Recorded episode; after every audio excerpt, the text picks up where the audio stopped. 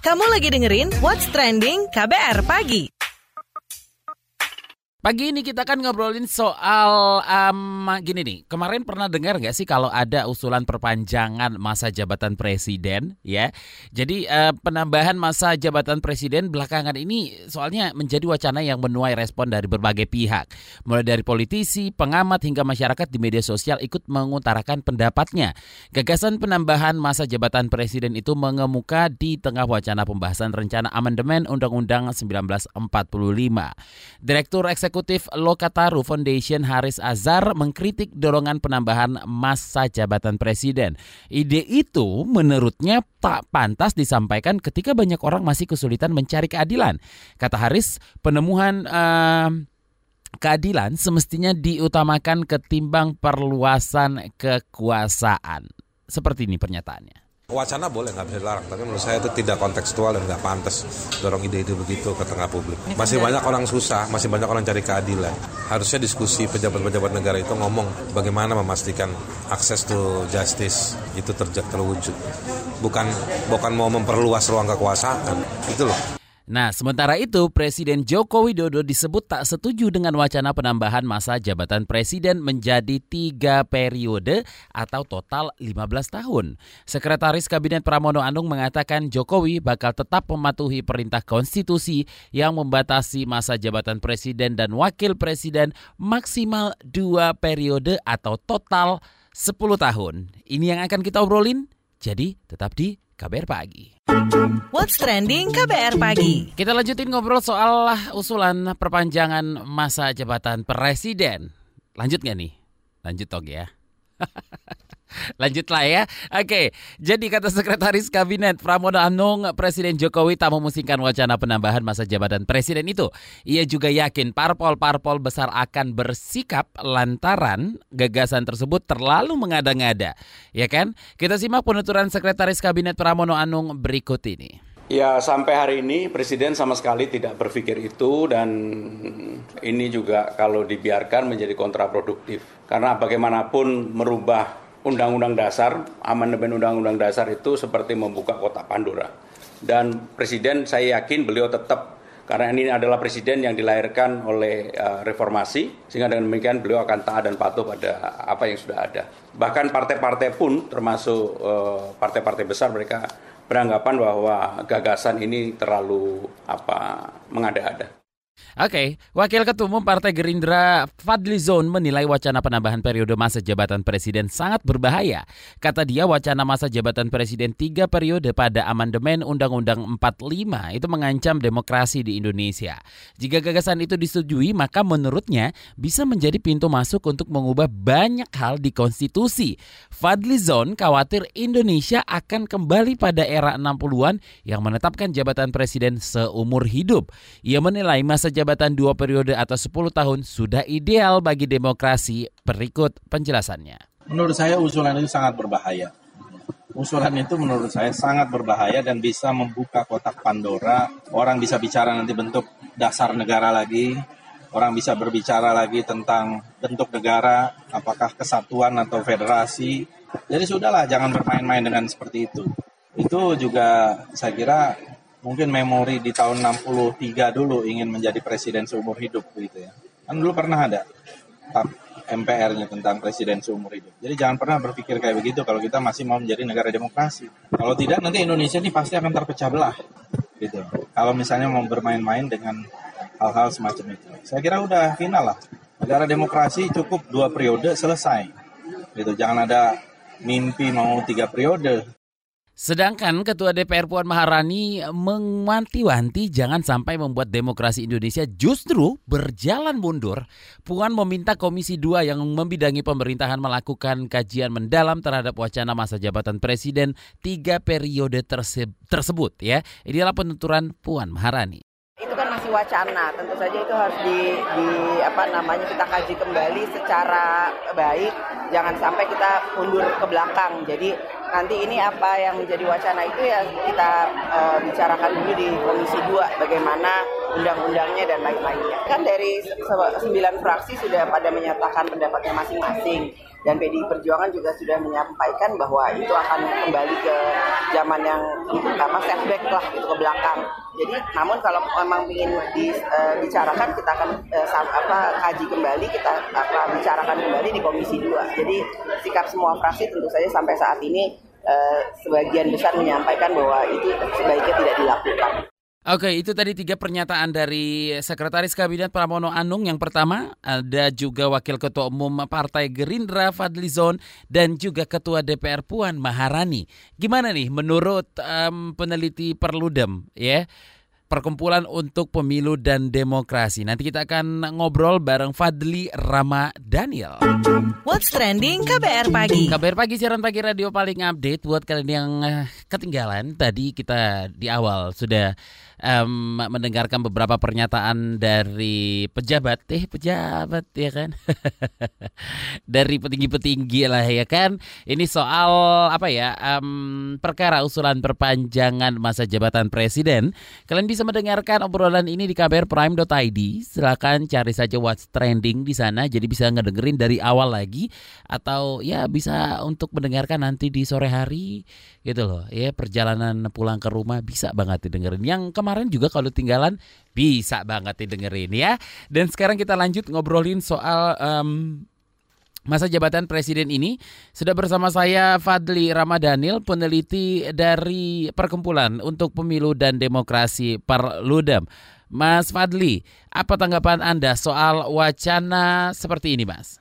Sangat aneh saja kenapa kemudian tiba-tiba eh, partai politik atau beberapa elit politik bicara soal masa jabatan presiden dalam konteks amandemen Undang-Undang Dasar 1945. Jadi kalau kemudian mau mengamandemen Undang-Undang Dasar 1945 dan bicara soal koreksi terhadap masa jabatan presiden, saya kira tidak perlu ada amandemen Undang-Undang Dasar 1945.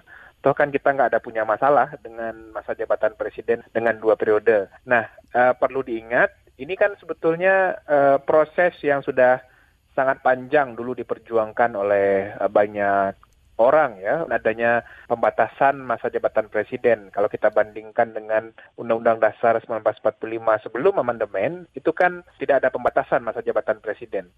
Makanya uh, Presiden Soekarno menjabat uh, selama 20 tahun lebih ya. Kemudian uh, Pak Harto menjabat sampai 30 tahun lebih dan itu ternyata menimbulkan ketidakseimbangan dalam penyelenggaraan pemerintahan kita. Memang uh, apa dampaknya nih Mas? Regenerasi politik tidak berjalan, potensi praktik KKN makin menguat dan akhirnya dampak yang lebih besar proses pembangunan menjadi tidak sehat lagi. Proses pertumbuhan ekonomi menjadi tidak sehat karena uh, justru uh, masa jabatan yang begitu panjang malah menyuburkan oligarki di sekitar kekuasaan presiden. Menurut Anda masa jabatan sekarang sudah tepat? Menurut saya, masa jabatan sekarang itu sudah cukup. Jabatan politik itu kan memang harus ada masa berakhirnya dan kita sebagai negara demokrasi kan menganut pengisian jabatan-jabatan politik itu kan melalui proses pemilu dan proses pemilu itu ada siklusnya siklus lima tahun sekali yang kemudian kita sepakati dan kita buat di dalam undang-undang dasar kita. Jadi pimpinan politik untuk level presiden misalnya dia bisa menjabat selama lima tahun ya silakan berbuat selama lima tahun itu. Dan kalau kemudian dia masih ingin mencalonkan diri kembali untuk satu kali periode, ya silakan.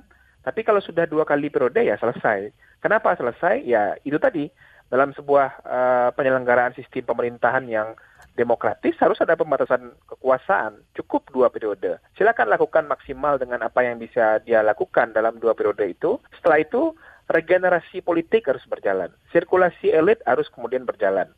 Terima kasih peneliti Perludem Fadli Ramadhanil. Oke, kami menelusuri asik bahasanya ya.